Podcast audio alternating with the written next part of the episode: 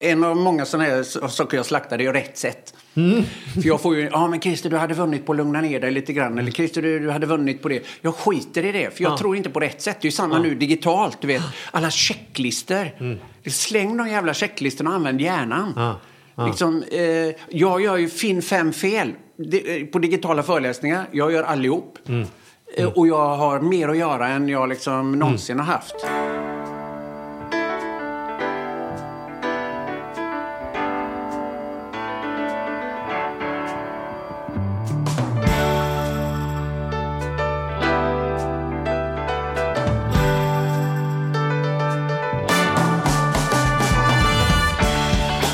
Hej och varmt välkomna till Ekonomi på riktigt med Charlie och Mattias. Hur är läget Charlie? Det är bra med mig. Hur mycket klabbar du? Hur mycket clubhousear du nu för tiden då Charlie?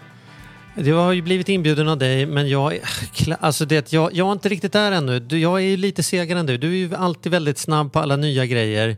Eh, jag tittar in och försöker förstå vad jag, vad jag ska göra. Det, det kommer. Det, det, det kommer. Jag, är liksom, jag är ju verkligen inte neggo. Jag är bara inte så snabb på att ta till mig ny teknik. Det vet ju den som lyssnar på den här podden. Att jag, jag, tänder fortfarande mina lampor med en knapp istället för med en app och sånt där. Liksom. Det, mm. Ja, men jag tänker, ja, nej, men och för er som inte vet vad vi pratar om så är det ju då en, en omtalad app som heter Clubhouse som lanserades i Sverige för kanske en månad sedan eller så.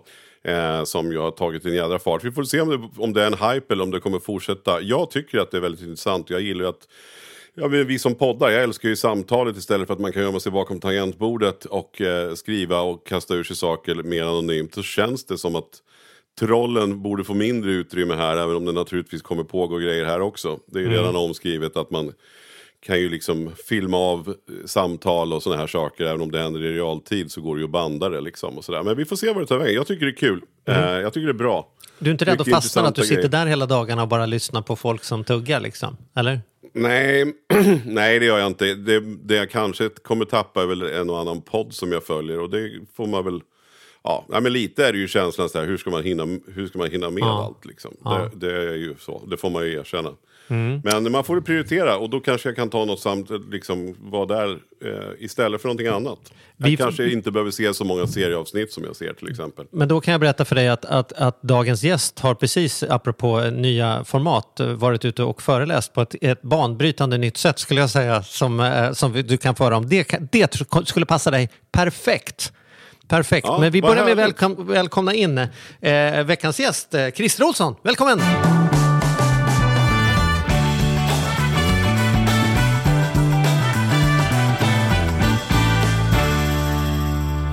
Välkommen! Ja! Underbart att få vara här och höra ert härliga samtal. Liten, liten applåd, men den är hjärtlig. Ja. Berätta, vad spenderade du förmiddagen med? Det lät så jädra kul. Ja, jag, 63 år gammal har jag erövrat en ny titel. Jag är numera vandringstalare.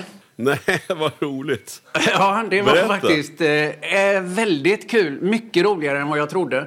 Vi träffades ute på eh, Kungliga Djurgården och var eh, i området Stora Skuggan. 30 CFOer. Eh, och häftigt. eh, det var fantastiskt spännande och i, gav oerhört mycket. Och jag efteråt, eh, ja det är ju efteråt, det är ju nu. Jag kom direkt därifrån. Det var en superintressant reflektion.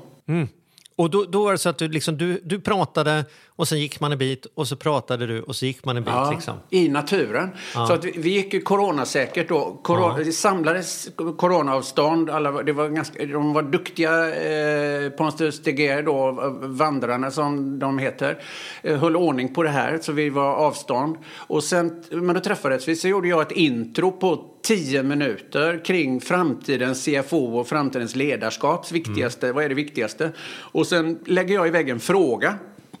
Och så har man den som dialogfråga sen under 15 minuters promenad. Så stannar vi mitt ute i naturen, i 16 minus var det.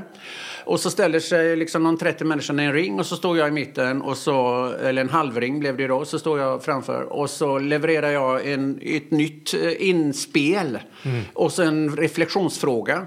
Och så promenerar vi och så reflektionsfråga, promenad, reflektionsfråga, promenad. Det var briljant. Ja. Det var ett jättebra format. Jag har faktiskt aldrig gjort det. Ja. Det var en jätteutvecklande idé. Ja. Otroligt vad, vad, vad coolt det ändå är i sådana här tider att saker och ting händer. Liksom. Att, att man, man, man hittar sätt att genomföra grejer.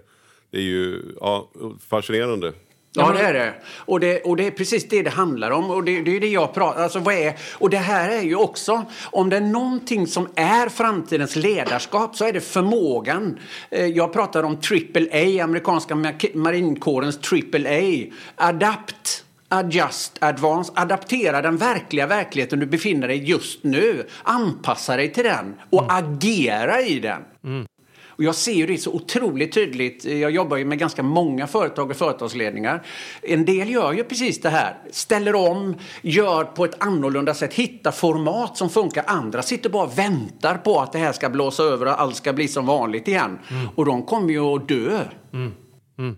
Hur gör man, alltså vad är de största utmaningarna? Om man börjar där med liksom adapt. Det låter ju enkelt så här. Självklart, jag är med Christer, vi, men, men det finns ju ett motstånd där. Mm. Alltså för förändring och, och liksom, för man vet inte riktigt vad är det jag ska ja. adapt till eller vad kommer det kosta? Och det vet liksom, ingen. Nej. Och det är det som är tricket. Tricket, och det jag pratar väldigt mycket om, det är att alltså, framtidens ledarskap, om vi liksom skulle börja göra en kort reflektion, handlar om att skapa en, en lärande organisation. Och en lärande organisation består av problemlösande människor. En lärande organisation består inte av en lärare eller konsult som talar om hur de ska göra. Utan en lärande organisation vågar vara sårbar och säga det här är okänd mark, vi vet inte hur vi ska hantera det här, hur gör vi? Mm. Och så löser vi problemen tillsammans. För den riktiga lärandet äger ju rum när vi löser problem. Mm. Och därför är det ju som jag säger att en, det framtida ledarskapet handlar om att definiera, alltså pro, jag, jag säger dessutom att problem är lika med avståndet mellan nuläge och önskeläge. Mm. Eh, och därför finns det bara två kategorier av människor som inte har problem. Och det är de helt oambitiösa och de döda. Mm. Eh, och de flesta av oss vill inte tillhöra någon av de kategorierna. Eh, och därför handlar ledarskapet någonstans om att definiera vart är vi på väg? Mm. Och sen, okej, okay, var är vi? Okej, okay, hur tar vi oss dit? Där har vi ett problem. Och, och det gör vi tillsammans. Då blir det en lärande organisation. Är det här ett ledarskap som du tänker funkar om alltså man pratar jag är chef på ett företag eller kan det vara lika gärna mycket ledarskapet min förmåga att leda mitt eget liv? Ja. Liksom? Det, självledarskap är ju tidens viktigaste ledarskap. Ja. Och särskilt nu i dessa tider. Varför då, då menar du? För att vi kan inte sitta och vänta. För någon annan kommer inte att inspirera dig. Någon annan kommer inte att ge dig liksom intryck om omvärlden. Någon annan kommer inte att lösa ditt problem överhuvudtaget. Mm. Därför är självledarskap, och det har jag jobbat med hela mitt liv. Min mamma dog 30 år gammal när jag var fyra. Min pappa dog 46 år gammal när jag var 15. Jag begrep i köttet tidigt i livet. Du kommer inte få någonting gratis, Christer. Om du vill ha något i livet får du skaffa det själv. Mm. Så det här har följt mig genom livet. Och därför så till exempel, jag, har inga, jag jobbar aldrig med medarbetare. Det är en gammal förlegad tayloristisk term. Jag jobbar bara med medansvariga. Och därför, mm. så, så, det är samma när jag jobbar med en, med en grupp. Eh, vi gör den här podden tillsammans. Jag är ansvarig, du är ansvarig. En, en vandring, de är ansvariga, publiken är ansvarig. Titta inte på mig om ni är missnöjda. Då får ni väl säga ifrån tidigare. Säg inte det här är ju ett ömsesidigt, det här, det här får man väl ändå säga då att det är ett, ett ömsesidigt ansvar. Jag tänker just som på arbetsplatser då mellan arbetsgivare och arbetstagare eller som du säger. Att det, är ju, det, är ju, det ställer ju krav också framförallt nu i dessa tider både på arbetsgivaren men också på medarbetaren då. Mm. Eh, Ja. Eller medansvarstagaren. Jag tycker det är ganska fascinerande. Men tycker du att, att folk, det låter lite som att du tycker generellt Eh, eller är det, är det liksom det, det sam, eh, är, är problemet kommunikationen mellan de här parterna? Eller anser du att, att oftast är det medarbetaren eller, eller den anställde eller arbetsgivaren som är problemet? Alltså, arbetsgivaren har ett huvudansvar för att skapa ett klimat där människor vågar vara sårbara. Om jag skulle summera ett eh, svar. Arbetsgivaren har huvudansvaret för att skapa, tillsammans med de medansvariga, skapa ett klimat där vi vågar vara sårbara. Där vi vågar säga ärligt talat, jag vet inte hur vi ska lösa detta, men vi behöver bli bättre på detta, eller vi behöver bli mer konkurrenskraftiga, vi måste få liksom si eller så. Ja, men hur då? Ja, jag vet inte. Låt oss träffas tillsammans och lösa det. Och, och, och där har arbetsgivaren huvudansvaret, för arbetsgivaren har ju huvudintresset av att driva verksamheten. Tycker vi är bra på det eller dåliga Nej, på det? dåliga. Ja. Varför det då? För att det är för mycket prestige.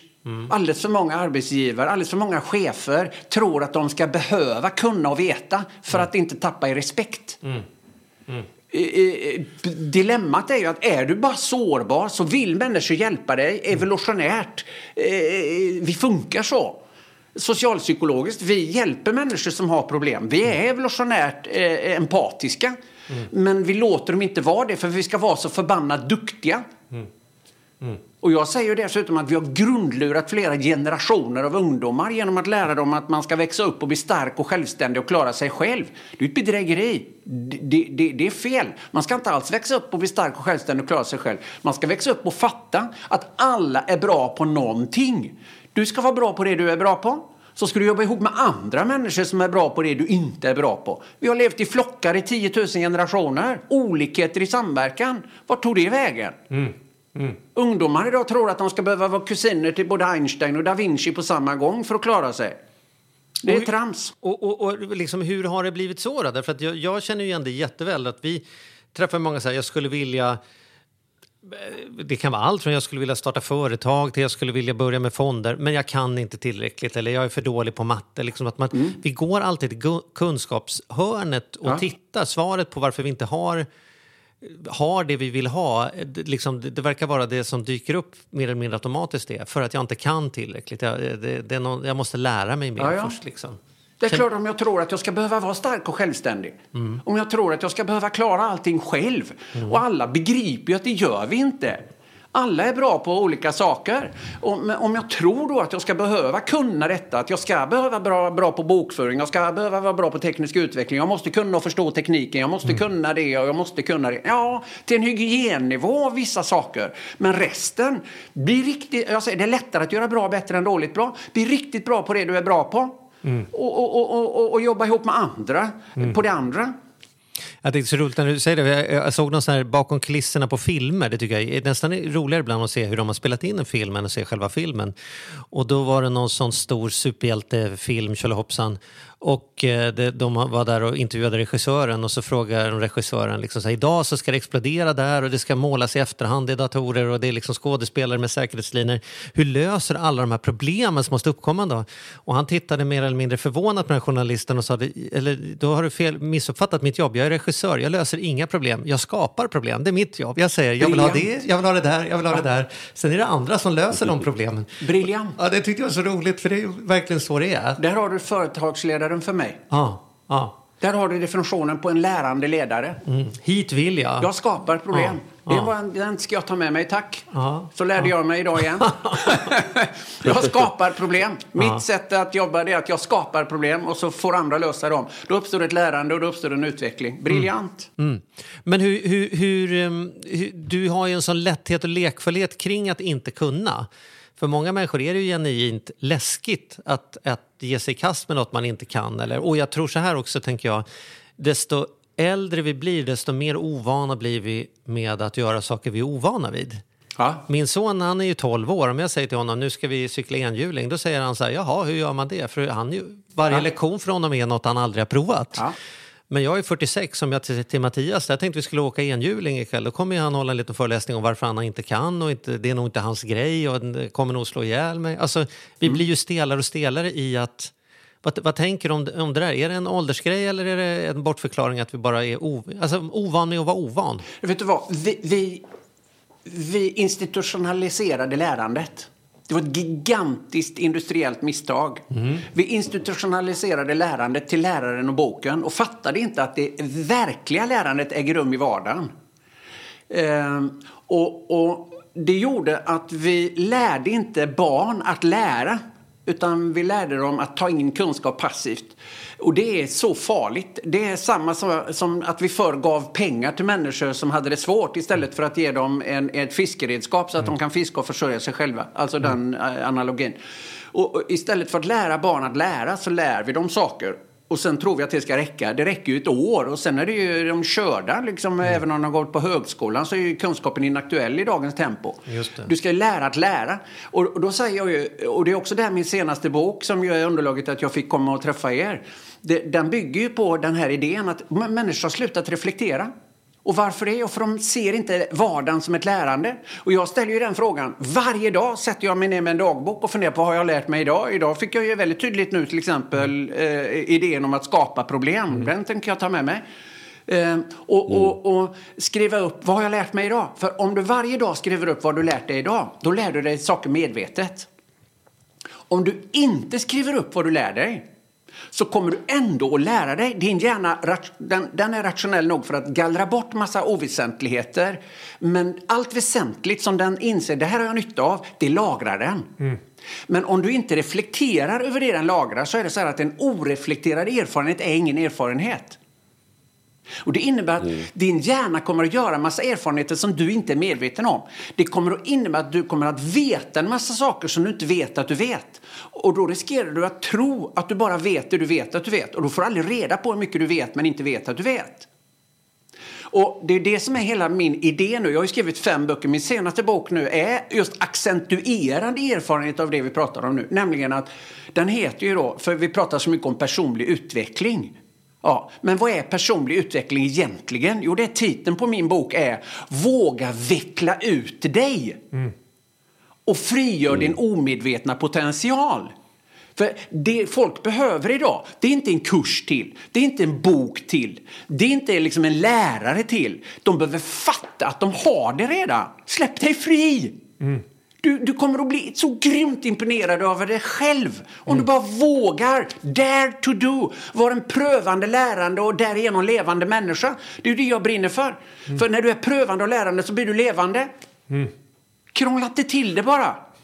Och hur ser det ut när vi krånglar till nu, det? Det här är ju jättefascinerande. Ja. Det är så kul att höra det Christer, för du brinner ju verkligen för det här. Alltså. Men om man ska applicera det här det, det, är jättekul och då känner jag så här, om man ska, om man ska liksom koppla på ekonomi, eh, som är ju vårt kärnämne. Eh, vad, hur tänker du i vardagen? Hur ska man kunna använda, hur ska man våga veckla ut sig med sin ekonomi? Tänker ja. du spontant? Ja, du har två, du har två perspektiv. Om, om jag tar det ena som ni har varit fantastiskt duktiga på och som jag också har sett er, och er programidé är briljant och relaterat till den och hänvisat folk till den vid ett antal tillfällen. Det är kostnader, naturligtvis. Ta kontroll över sina kostnader, ifrågasätta sina kostnader. Eh, på vilket sätt de är värdeskapande i mitt liv. Varför har jag de kostnaderna jag har? Vem försöker jag bevisa någonting för?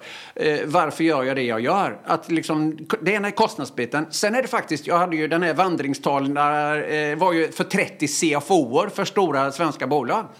Och då säger jag så här, det finns bara två sätt att öka eh, inkomsterna. Antingen måste du skapa nya värden som tillför ny, nytt värde till dina kunder, alltså nya tjänster eller nya produkter som människor är beredda att betala mer för än kostnaden att producera dem. Eller också måste du bli duktigare på att synliggöra de värden du redan tillför om du vill ha mer intäkter. Det finns inte bara, bara de två. Och då säger jag så här hela min idé är, för jag säger att man ska vara idéburen. Hela min idé utgår från att tillföra värde. Och den är evolutionär återigen. För så länge jag tillför flocken värde så säkrar jag min överlevnad. Och så säger någon, ja men Christer, är du så fruktansvärt krass att du säger att en människa som inte tillför värde är värdelös? Ja, men herregud, vad, vad säger du människa? Och jag säger att en människa som inte tillför värde är ju per denna definition i denna relation värdelös. Sen blir nästa intressanta resonemang, vad är värde? Ja, värde kan vara att bara existera som min gamla klasskamrats två multifunktionsvarierade eh, eh, eh barn är. De bara finns, de existerar. Och de är oerhört värdefulla för, för, för sin familj. Ända ut i pekuniära utbyten. Men idén för mig är att tillför värde som idé. Krångla inte till det, återigen.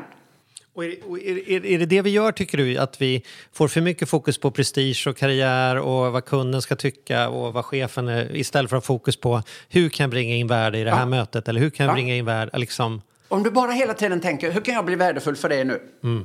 Om jag försöker liksom, säg, alltså, försöka på, efter bästa förmåga medverka i din podd så att de människorna som faktiskt berikar oss med att lyssna på den. Vi skapar ju tillsammans med dem. Livet är ett tillsammansprojekt. Mm. Det här händer ju tillsammans med våra lyssnare. Mm. Och då, det enda jag försöker det är efter bästa förmåga få, försöka tillföra dem värde. Mm. Och om jag, är, om jag upplevs, om vi tillsammans nu upplevs värdefulla av dem, ja, då belönar de oss med att komma tillbaka och lyssna på nästa också. Mm. Mm. Alltså det, det enda du behöver bekymra dig om i varje möte, tillför värde. Mm. För det du kommer att få ut av ditt liv kommer att stå i direkt proportion till din förmåga till andra människor i de vill få ut av sina liv. Mm. Där har du och det tycker jag, för det, det, stämmer väl ganska bra överens också, tänker jag, med, med familjen hemma. Alltså just med, med, med ens egen privatekonomi eh, och familjens ekonomi. Eh, så är det ju samma sak där egentligen. Hur då menar du? Ja, det. Nej, men jag tänker just det att, att man ska tillföra värde. Att man, att man var och en försöker dra sitt, sitt strå till stacken och mm. bidra med det som man är bra på. Ja. Eh, och det man kan Så bidra det... med. Mm. Mm, precis. Mm. Och alla bidrar alltid med någonting. Allt ifrån sin blotta existens till att man gör saker, säljer saker, tjänar pengar någonstans. Eh, och sen är det också, när vi pratar ekonomi, så är det ju en, en terminologi som jag använder. Och, och, jag hatar uttrycket liksom tjäna pengar. Det tar jag bort i alla sammanhang där jag jobbar. Nej, du ska inte tjäna pengar, du ska förtjäna pengar. Och vad blir skillnaden då menar du? Ja, det, det, det är ju samma idé. Ja. Hur ska du förtjäna pengar här? Ja, jag ska köra ut och den sista milen. Jag, jag, medan jag pluggar så är jag bud. Okej, okay, bra. Då förtjänar du liksom pengar. Genom att tillföra värde, genom att hjälpa till med det här. Men tjäna pengar är passivt. Alltså, what's in it for me? Mm. Jag drivs ju av idén what's in it for you. Mm. Och fatta att det är lagen om orsak och verkan. För om jag verkligen tillför dig värde, det är det jag kan styra över. Om jag tillför dig värde, då kommer du vilja träffa mig igen.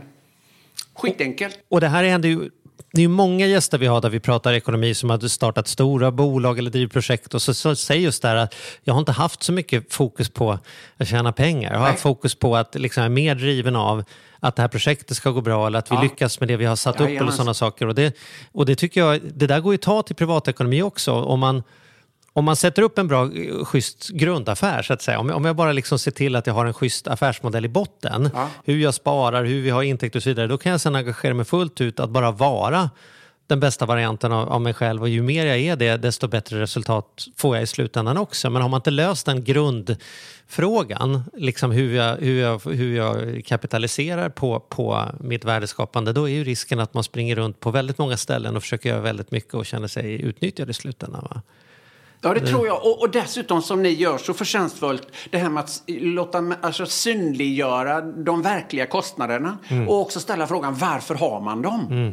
Mm. För vem försöker jag duga? Varför har jag de här kostnaderna? Varför köper jag de här onödiga sakerna? Varför mm. försöker jag se rikare ut än vad jag är? Mm. Vad är det liksom för hål du försöker fylla? Mm. Ja, spännande. Du pratade lite om boken, Christer. Kan inte du säga något mer om så här, vem är den till för? Om man inte har hört talas om dig tidigare och så uh, hör man detta nu så tänker man så här finns det något för mig att lista ut. Vad, vad, vad, Den är till för alla som, som, som uh, känner att de vill få känna sig mer kapabla, trygga, fria med livet. Helt ärligt. Mm. Alltså jag kallar mig fiskarpojk och resande i sunt bondförnuft. Mm. Jag har jobbat i 28 år med ledningsgrupper och coachar koncernchefer och, och, och, och jag har privilegiet att få leva ganska nära många väldigt framgångsrika människor. Och om det är någonting jag har lärt mig så är det hur lite som skiljer oss människor åt egentligen. Mm. Och jag säger att brist på information leder till spekulation. Spekulation har en 10 potens på information. Mm. Vi tror så mycket om andra och varandra mm. och vi vet så lite. Och, och, boken, eh, hela idén med den boken är att få människor att egentligen, vet du vad? Eh, mitt, mitt förslag till boktitel, det var att den skulle heta Nej, du behöver inte en bok till. Mm. Köp den här och förstå varför. Mm. det är en ganska bra förklaring på vad den handlar om. Jag vill ge människor en trygghet i sitt vara, i sitt mm. nu. Du behöver inte en kurs till, du behöver inte liksom en föreläsning till. Det hjälper inte. Det är ingen idé att du åker till USA och liksom lyssnar på Tony Robbins. Du kommer inte att bli skitlyckligare. Still confused but on a higher level. Du har det redan i dig. Du, du behöver lita mer på dig själv. Släpp dig fri. Veckla mm. ut dig. Mm. Mm. Det är det det handlar om. Men, men, men hur har du då? För jag tänker, du har hållit på med det här i 28 år. Hur känner du att du har utvecklats? Jag tänker också med din egen, om vi nu ska prata ekonomi då. Är, är, eh, liksom, har, har, har resan gått som, liksom, ja vad ska jag säga, eh, på vilket sätt har du utvecklats genom de här åren då, om man säger så? Eh, själv? Ja, vet du vad? Det var jättespännande. För det första, jag gjorde en ganska radikal karriär. Jag satt i, i moderbolaget på ett av eh, eh, våra då stora investmentbolag där jag var personal, informations och förhandlingsdirektör, gubevars. Men jag mådde inte bra. Flott ska det vara.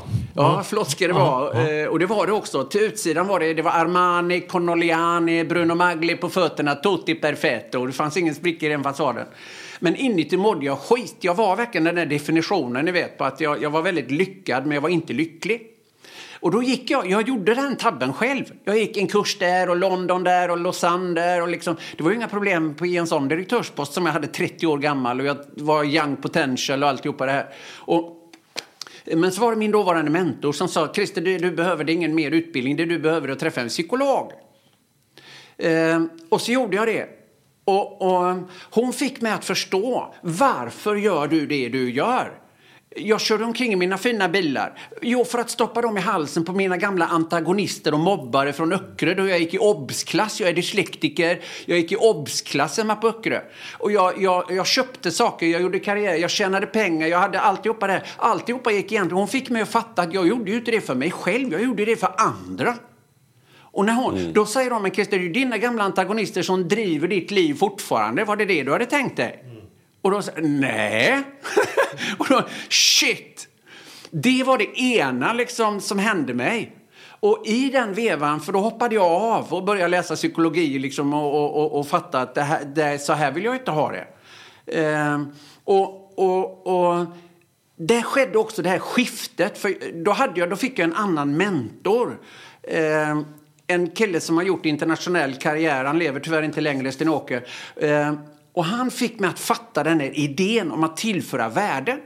Och när jag flyttar mitt fokus från att fundera på hur ska jag kunna tjäna på detta till hur ska jag kunna tillföra värde och förtjäna pengar.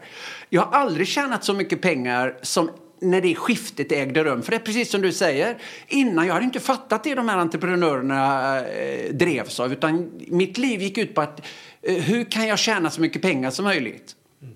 Och när jag, när jag gick från den idén till idén, nej, fatta nu att det du får ut av ditt liv är en konsekvens av det du tillför andra. Fundera om du bara gör dig värdefull för människor på ett sätt som du också mår bra på själv så kommer pengarna som en effekt. Mm. Det var en sån gigantisk switch för mig. Mm. Mm. Och helt plötsligt så började jag tjäna mer pengar än jag behövde. Och det gör jag ja, fortfarande. Fascinerande. Vilket är orättvist, för jag, jag, menar, jag, jag, får ju betalt för att, att uh, sitta och lära mig av de mest briljanta människorna av alla. Det, det jag lär mig av den ene kan jag sälja till den andra. Men det måste ju varit en lång, liksom, fascinerande resa de här liksom, nästan 30 åren. Då. Hur upplever du att hur har eh, vardagen eller liksom frågorna förändrats? Vad, vad, vad, är det liksom nya frågeställningar som människor fastnar på idag på ett annat sätt än vad det var eh, liksom då? Eller är, är vi, är, har vi inte kommit någon vart överhuvudtaget? Eller vad, vad, ska vi säga? Jag är ju väldigt evolutionär. Evolutionspsykologi fascinerar mig. Hariri eh, Sapiens, alltså evolutionspsykologi, även mm, vi pratar ekonomi. Daniel Kahneman, mm. eh, Nobelpristagare i ekonomi, psykolog, eh, professor i psykologi, Nobelpristagare i ekonomi som ni känner väl. Mm. Eh, alltså titta på deras forskning. Eh, det är därför jag hänvisar till 10 000 generationer. Va? Det har inte hänt någonting. Vi pratar liksom 60-talister är sådana, 70-talister är sådana, 80-talister är sådana, 90-talister och det är generation X och Y och Z. Skitsnack. Det, det, folk pratar som om det vore en ny ras som växte fram liksom, i millennieskiftet. Nej, det är det inte. De grundläggande behoven är de samma. Verktygen för att tillgodose oss de grundläggande behovet, att bli sedda, bekräftade, vara älskade, få känna oss värdefulla, eh, verktygen är annorlunda, men behoven är de samma. Mm. Och om mm. det är någonting jag har lärt mig genom alla år, och så är det återigen därför jag kallar mig resande i sunt bondförnuft. Krångla inte till det så förbannat. Jag har aldrig tidigare träffat så många människor som krånglar till så mycket, så ofta så onödigt som just nu. Och varför är det så då, tror du? För de tror att de inte duger som de är. Mm. Mm. Vi har fastnat i de här intellektualiseringsfällorna och så börjar de använda märkvärdiga ord, krångliga terminologier kring allt ifrån human, humanistiska frågor till tekniska frågor för att liksom göra klart för världen att de är så kompetenta och kunniga och dugliga och kapabla. Mm. Och så känner de sig inte så i alla fall. Mm. Och då blir de ensamma. Den subjektiva ensamheten är vårt nuvarande största problem. Ja, det är Mm, fascinerande. Ja. Ja, verkligen. Finns det något ljus i tunneln då? Ja, ja. Du och jag. Vi, nej, det finns jättemycket ljus i tunneln. För det här är en fråga som aktualiseras. Eh, och ni är duktiga på att förmedla de här sakerna. Jag brinner för att förmedla dem och vi blir fler och fler eh, som pratar om de här frågorna. Jag är ju absolut inte ensam och jag, jag, liksom, eh, jag förmedlar ju bara liksom det jag brinner för och det jag tror på. Och orsaken att jag blev årets talare förra året, eh, 62 år gammal, nu är jag 63. Eh, och och jag, har, eh, jag hade all time high under hösten i digitala föreläsningar. Jag hade liksom helt makalöst.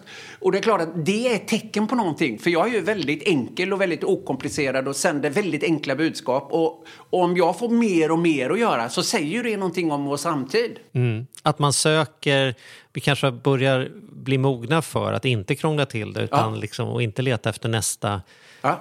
teoretiska modell utan konstatera att det kanske vi bara läsa efter på det vi har. Liksom. Ja, framtiden finns i det förflutna. L- lyssna, jag, jag måste bara berätta. Jag ska ju vara med på en stor framtidskonferens. Eh, och det var liksom, det, det var liksom future i alla tänkbara liksom, märkvärdiseringar och former. Och så hade de tagit med mig. Eh, och så säger hon som organiserar den här stora konferensen, eh, hon vill ha en rubrik. Och så sa jag, ja, framtiden finns i det förflutna. Vi måste hitta tillbaka till evolutionens grundkänslor, för människan är i grunden en emotionell varelse. Eh, vi, vi, framtiden finns... Nej men Christer, det här är, det här är en framtidskonferens och det är ju forskare och det är källor och det är liksom... Du, nej, du måste... Det, den, den, kan du, den titeln får du inte Christer. Jag vet att du kommer ändå prata om det du vill men rubriken får du inte. Ja. Och så, nej men okej, eh, jag, jag ska tänka till. Så gick jag hem och så, så ringde jag, en, eller jag skrev ett mejl till henne. Så skrev jag, okej, tillbaka till framtiden. Ja, men den får du, sa hon. På tal om gamla filmer. Ja, ja. alltså, den köpte hon. Men jag, jag delar verkligen den uppfattningen som du, du nämner. Mm. Jag tror tillbaka till framtiden. Alltså, vi behöver hitta tillbaka till de här grundläggande känslorna. Behovet att vara behövd. Att Mm. behöva varandra. Att jobba i en flock. Olikheter i samverkan. Det är skitbra med ADHD-människor som är duktiga på att eh, hitta på nya saker och stigfinnare och Mm. hitta nya jakt och boplatser. Men det är inte dumt att ha en liten fegis som sitter hemma och saltar och syltar ifall de där jägarna inte kommer hem. Mm. Och det fattar vi. Vi behöver jobba ihop. Mm. På riktigt. Och inte bara i teorin och i böckerna. Ja, coolt. Spännande. verkligen. Det, Ja. det här hade vi kunnat prata om i timmar. Tiden rusar iväg. Ja. Ja. Eh, rolig, och boken hette en gång till då, så du får, den fick ju inte heta den skulle heta. Vad, vad fick den heta våga, istället? våga veckla ut dig Våga och veckla frigör din omedvetna potential. Och det är den sista boken man köper, för man kommer inse att man behöver inte köpa några fler Nej, böcker. du Ja. behöver inget mer för du har det i dig. Ja. Och en lärande organisation består av människor som löser problem tillsammans. Krångla inte till det. Mm, precis. Jag kan, tänka, jag, jag kan känna igen mig väldigt mycket i att, att, att alltså, ju, ju, desto, ju äldre jag blir desto mer komfortabel, jag blir inte bättre på att lösa problem men jag blir komfortabel i att vi kommer att lösa dem. Ja, ja. Så att jag brukar säga det till folk som är lite yngre och säger så här, "Ah, så, här, men du vet vi kan inte åka genom Stockholm och vänta till det är grönt på alla trafikljusen utan vi får börja i ena ändan och ta första ljuset så får vi lita på att vi kommer ta oss igenom stan för det kommer aldrig vara grönt hela vägen. Utan det, det, medan andra får panik då och säger så här, men hur ska vi göra?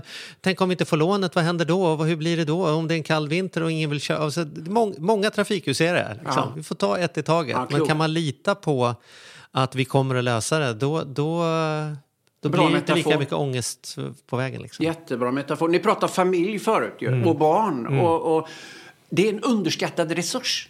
Mm. Jag pratar ju om att lära av och med varandra med verkligheten som pedagogiskt verktyg. Det är samma i familjen. Vi har problem. Involvera barnen. Kanske mm. inte små barn ska inte involveras i ekonomiproblem och oroa sig i onödan.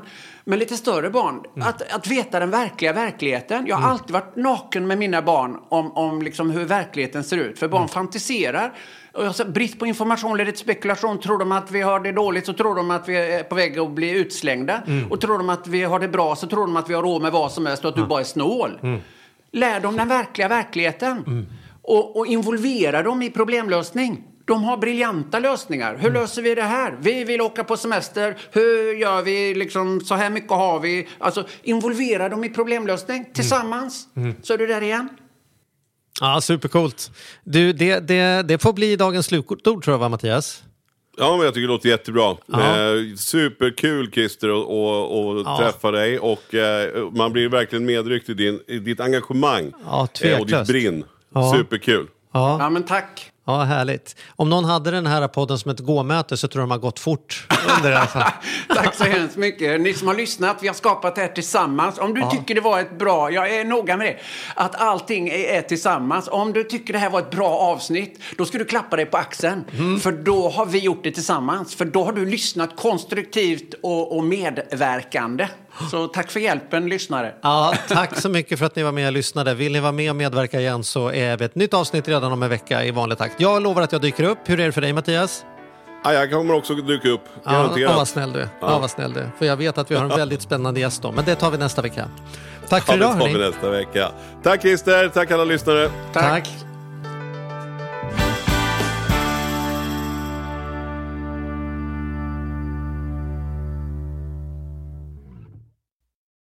Ny säsong av Robinson på TV4 Play.